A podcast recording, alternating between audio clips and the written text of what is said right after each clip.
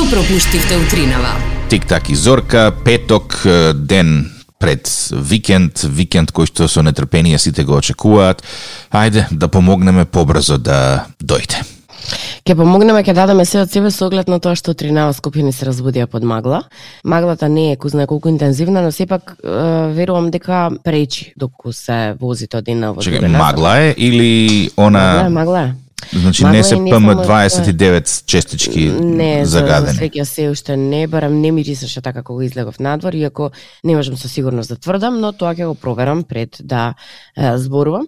Во секој случај, е, доколку некаде возите, да речеме, возите внимателно или земете си малку повеќе време од потребното за да стасате до друга дестинација. Не знам каква е ситуацијата надвор од градот, односно дали воопшто и надвор од Скопје има магла, тоа ќе ни го кажете вие доколку патувате некаде, чисто да може да го споделиме со другите да бидат повнимателни кога е во прашање патувањето. Инаку Ам, лоши вести за викендов имам.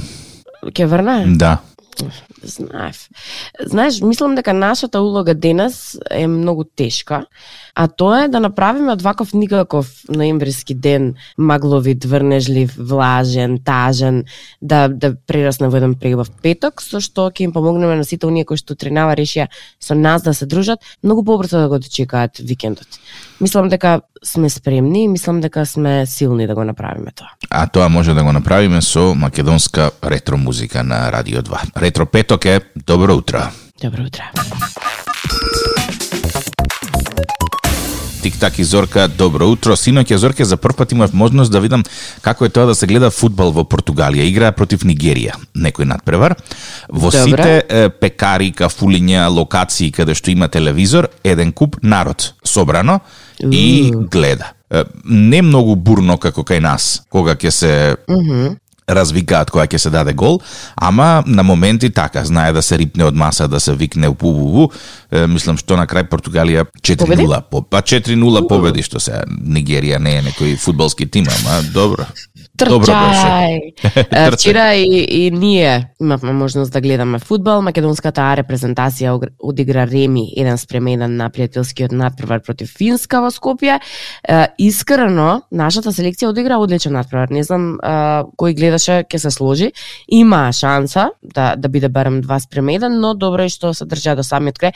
Мислам дека на, на сосема на крајот е, еден еден направија, претходно губевме и можам да ти кажам дека многу забавно си си поминав со децава затоа што беа толку многу возбудени.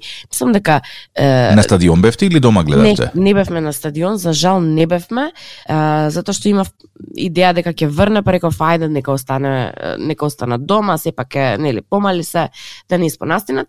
Ми беше жал кога видов полупразната трибина, веројатно и многу други така размислувале како мене, а се испостави на крај дека времето и не беше толку многу лошо.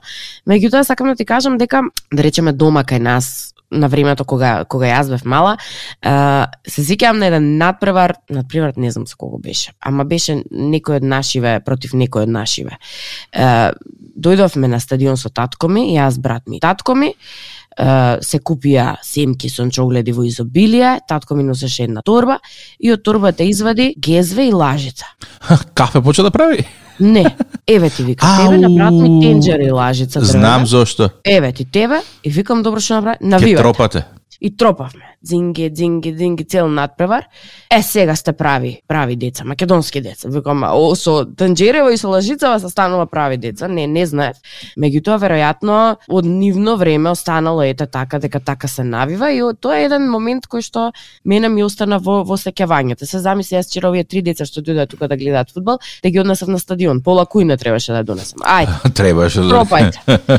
Веројатно и треба да ги наштимаш. Еден со тенџери и со лажица, да биде амол, еден во, во цедур да го фатиме, да речеме некој, не знам, некој експрес лонец со поголема а, лажица и, и некој со, со тавченце или со... А знаеш ли како можеш да дознаеш на наједноставен начин кое дете родителот најмногу го сака на тој начин? На тој ќе му даде најма, најмалото за тропање? Не, тој што набива со експрес лонецот, тој е најсаканиот.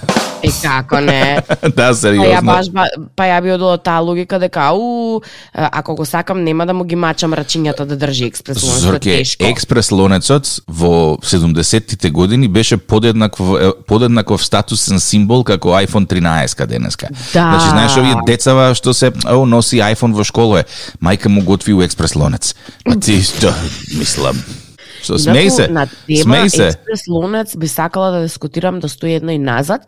Имавме еден сиф со едно црно капаче кој што се затвараше, најчесто мајка ми правеше разноразни манџури во него и е, врвот го достигнуваше кога ќе почне да прави уи и тоа нели знаеш на што ми личеше ми личеше на на воз кога правеше така. И знаевме дека уште малку и ручекот ќе биде готов Тоа Павлов рефлекс а, а, со кучето и звончето, ова со свирката на експрес лонецот. да, да, да, да. И знаев дека тој ден има некој многу богат и убав ручек, да речеме, че мајка ми го извади експрес лунецот, а право да ти кажам, може срамота се вака да кажам јавно, ама ќе кажам, ај, не слуша никој. А, само пола Македонија, јас експрес лунец немам користено. И тоа е страв. добро, Зорке. Тоа е многу добро, да ти е кажам. многу страв заради тоа што се прави некој вакуум, се прави некој притисок кој што не де боже ако го отвориш може да си направиш белја. Значи, такви приказки сум наслушнувала, може врска нема тоа. Не, не, не. Значи, Ама, експрес лонецот ти е најдобар начин да уништиш било кој добар рецепт. Значи, се она што во македонската кујна изискува крчкање, долго правење, сарма, на пример. Нели, сарма се крчка 4-5 сати, така? Да. Можеш да направиш ти сарма во експрес лонец, за пола сат. Да. Ама, не е тоа тоа. Е, не е тоа тоа, значи Да вкусот кој што манџата јадењето го добива од експрес лонецот воопшто не е ист со оној кој што го добива Имаше- со крчкање. Гравот исто баба, така. Една баба, не можам да ја кажам која може слуша, ми викаше, ќе си го препознам мабатот, викаше, жената е паметно да се прави дека е зафатана во текот на целиот ден. Што е тоа експрес лунец за пола сат правење ручек? Не. Кога ќе земеш од рано од зори, полека да си сецкаш кога и да те погледне мажот да рече, у, многу зафатена жена ми. А ти уствари, манџата е само полека, чекор по чекор. Вика ќе земеш ќе сецкаш, па ќе се напиеш кафе, па ќе туриш на полека на тива куван, па ќе се напиеш кафе, па ќе промешаш па на тива куван, а плюс вика е многу вкусно на крај. И да ти кажам право не сум пробала да правам ручек цел ден, меѓутоа се снаоѓале жените а како знаат и умеат за да изгледат им зафатено, им да си го користи своето слободно време, па нема цел ден да си на шпоретот. Исто како денеска што се наоѓаат. Исто како денес. Тик-так и Зорка стаса една порака од Дени на тема Експрес Лонец, вели «Е, секој куински сад се има намена, мајка ми Експрес Лонецот го користеше само за стари кокошки. Затоа што вели живеевме во село и чувавме кокошки, а ако вариш стара кокошка во обично тенџере, ќе ја вариш е, цел ден. 185 години. Отприлика. Добро, не, не е дека потребата на употребата всушност на експрес лонецот не е добра, меѓутоа секој си ја користеше за она што си ја сака. Еве, Владо вели, кога шушкавецот во плакарот во пред ќе замириса на сарма, тогаш е готово.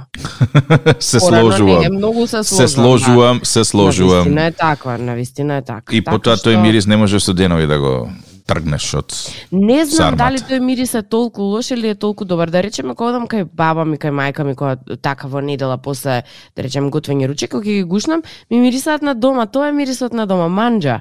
Ама па, да речеме, надвор кога ќе замирисам, никој не ми е убаво сега. И ја ни, се терам, ни се водам. И не сакам јас да мирисам, например, страшно ме иритира кога ќе влезам, најчесто кај нас може да се готви риба, такви работи, ми смета кога ќе ми замириса, да речеме тоа што го носам.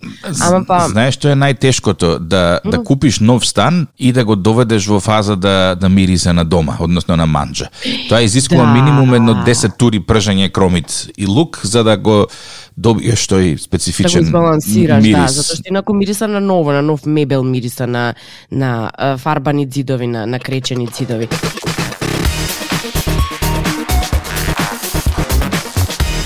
Денеска е 20, не, 18 е, ноември. Пак избегав малку во иднината. Да, нешто ти се брза кон нова година, не знам зошто тоа е така. Е, 20 Може, ноември е ден кој што има одредено значење во мојот живот и затоа чекам што побрзо да да дојде. Е, Денеска, доколку бараш некоја причина плюс за празнување, освен тоа што е викенд, можеш да го празнуваш светскиот ден на оцетот, На оцетот. Да. Добро. И е, денеска е меѓународниот ден е, за борба против е, училишно насилство или народски кажано булинг. Е, тоа е една тема која што за жал нема да застари и не засега сите, особено сега како родители на деца, некако мислам дека не се дава толку многу внимание, а потребно и се случува за жал. Потресена сум од вчерашната видео снимка каде што мета на булинг беше наставничка во Србија. Не знам дали Го видов. имаше можност да го видиш. Значи децата урлаат од смење, мене ништо уопшто не ми е смешно на таа снимка, ми е жално какви работи не не расположуваат од најмали години. Да те расположи туѓата несреќа, односно нешто што си го направил со намера да е злобно и да повреди некого со цел да се смееш, односно да му се исмејуваш на на болката и на нервозата. Некако не ми се допадна и се надавам дека како родители не само што ќе излечеме поука од она што го видовме, туку и дека малку повеќе ќе седнеме да зборуваме со нашите деца за тоа што е добро, што не е добро, односно дали треба така да се однесуваат, односно зошто не треба. А, па еве денес е и датумот таков, можеби не е лошо да одвоите едно 5 минути со вашите деца и да поразговарате барем 5 минути на оваа тема, чисто посочувајќи дека не треба да се прави она на другиот кој што не сакаш да ти го прават ни тебе, затоа што улогите оној кој малтретира и оној кој што е малтретиран многу лесно знаат да се а, сменат во текот на годините и не е пријатно кога твоето дете е од страната на оние кои што го малтретираат, односно кога е мета на булинг. Така што внимавајте, тркалото се врти и се она што може би денес го правиме со зла намера, може утре да ни се врати по нос.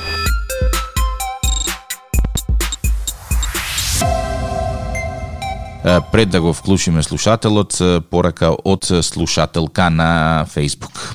На Јана пиша дека сообраќајка има кај крстот во Лисиче, вели ќе се направи гужва сигурно, внимавајте, се случи пред мене камионот стоеше на сред раскрсница, така што доколку го поминувате или става план да го поминувате овој дел од Скопје, имајте предвид дека можно е да заглавите таму доколку се уште не е расчистено, не верувам дека ќе биде за волку скоро време.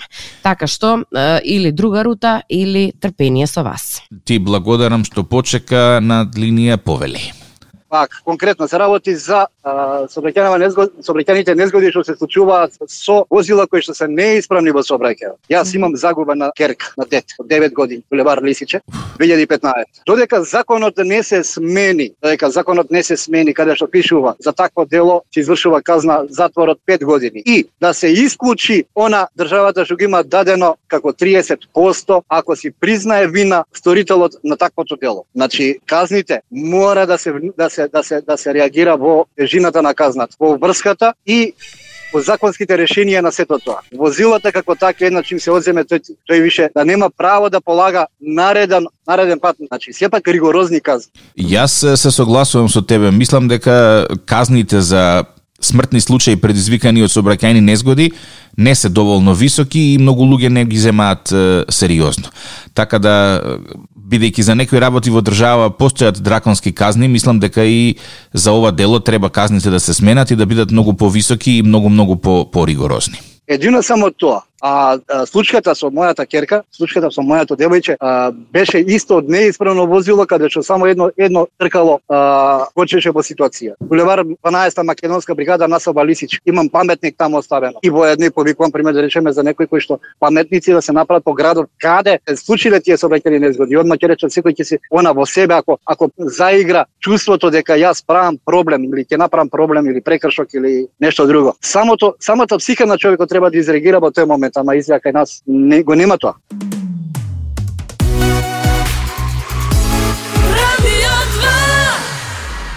По девет бескорисни факти и загадките на Зорка, а пред тоа уште еден слушател е, на темата сообраќај повели. А, за темата околу возењето. Слушаме. Човекот предходно што се јави жално што има загуба, мислам жално за сите што имаат загуба, но меѓутоа у 99% случаевите што се случува со неисправни возила, Зорка пред малку рече возачот е крив. Да, јас сум возач долго време, самите возачи сме криви. Ако јас знам дека тоа возило е технички неисправно, не седнувам да го возам.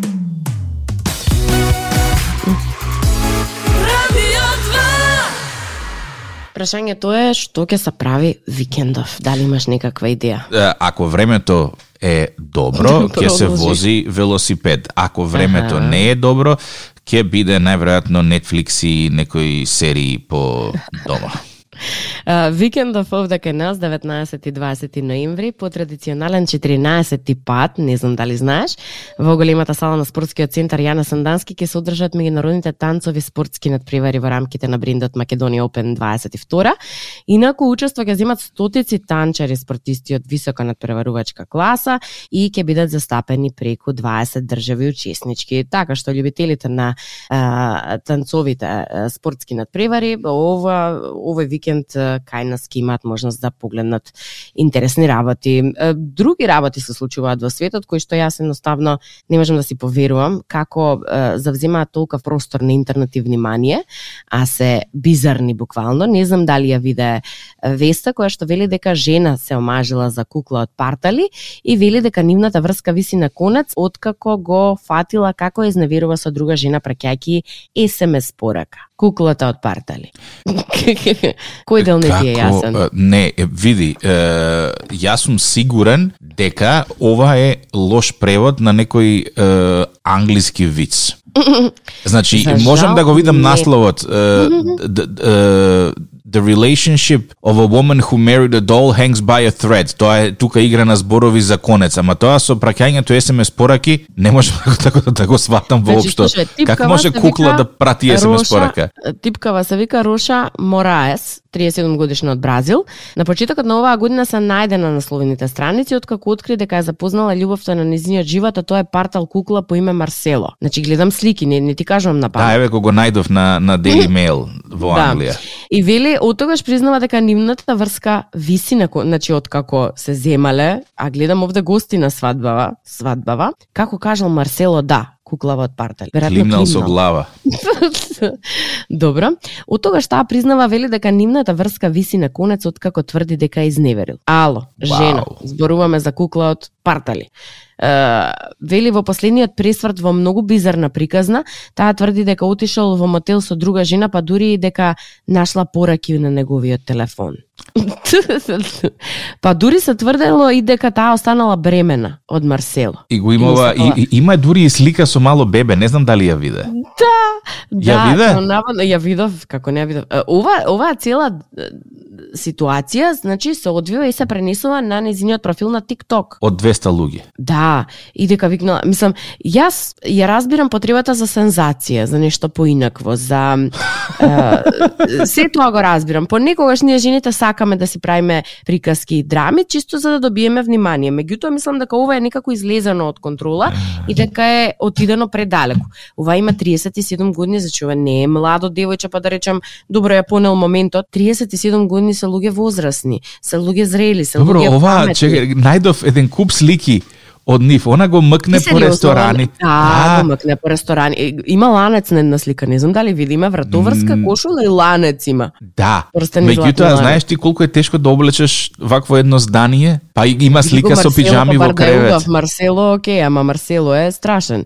Како и да Марсело инаку во ресторани исто така добива порција јадење, како што и девојкава. Да не беше тажно, ќе беше смешно. Види, со 200 следачи на TikTok, мислам дека не е успешен експериментов, И сега ама мене ме интересира овие 200 што ја следат, дали сите биле на свадбата. Инаку, во обид да ја сподели нивната жилава романса, таа го разоткри предавството на TikTok и собра 1000 и, а, 1 милион и 600 прегледи и над 120.000 лајкови. Не знам кај си видел дека 200 следачи има само. а, Она 200 може да има следачи го 200 следеле го следеле раѓањето во живо.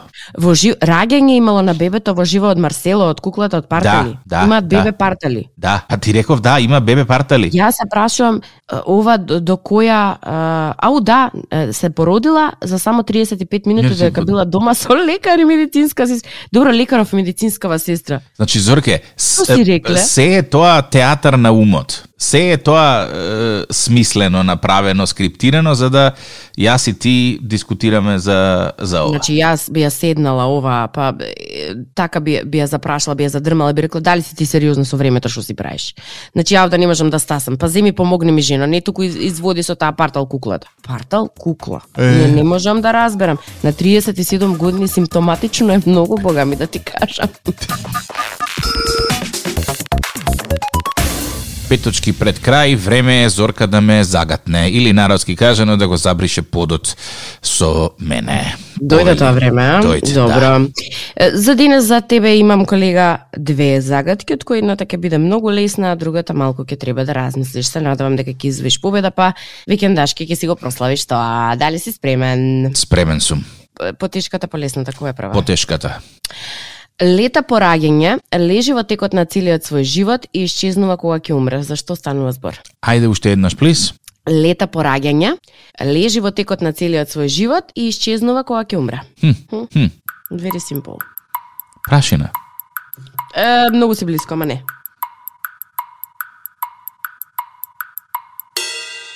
Ајде уште еднаш.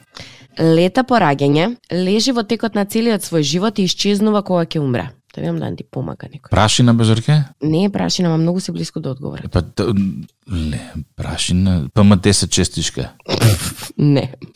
Снеголка, колега, снеголка. А, добро, можеш и прашина да биде одговорот, ама Сега не играме по нека- твојата логика. Да, да, играме по да играме по да, што сакал да каже авторот тука ќе си ја чукаме Така главата, ме е. врати у втора средно. Ајде. Следната? Сега ова е полесната. Значи 1-0 за мене во моментов. Вели една просторија има 4 ќошеви, секој крај има по една мачка. Секоја мачка гледа во 3. Колку мачки има во просторија? Четири зорке. Браво, колега. Па сега, мислам. Ајде со победа да си одиш. Толку за Со денеска. победа да си одиш. Кај мене се Кажи појави сонцето. Тоа сега сакав да те прашам. Сонце се појави. Да дирнам се растера маглата, меѓутоа не целосно. Тоа е тоа што ме радува дека магла веќе колку толку нема, меѓутоа она што како временска прогноза вели мојот мобилен телефон, тоест апликацијата која што користи мојот мобилен телефон, леле, вика дека кај е, 15, односно 16 часот очекувајте врнежиот дошт, а врнежиот дошт ќе имаме и во следната цела недела. Е сега оно што е убаво денес 17, утре 19 степени температурата, ама од недела ќе почувствуваме благо намалување, односно е, стимнување на температурите, што значи дека не е толку страшно, но не е ни прекрасно. Се слушаме во понеделник. Чао. Се слушаме убав викенд, чао. На Радио 2, секој работен ден од 7.30. Будење со Тик-так и Зорка. Во случај на неконтролирано смеење и симптоми на позитивно расположение, консултирайте се со вашиот лекар или фармацевт.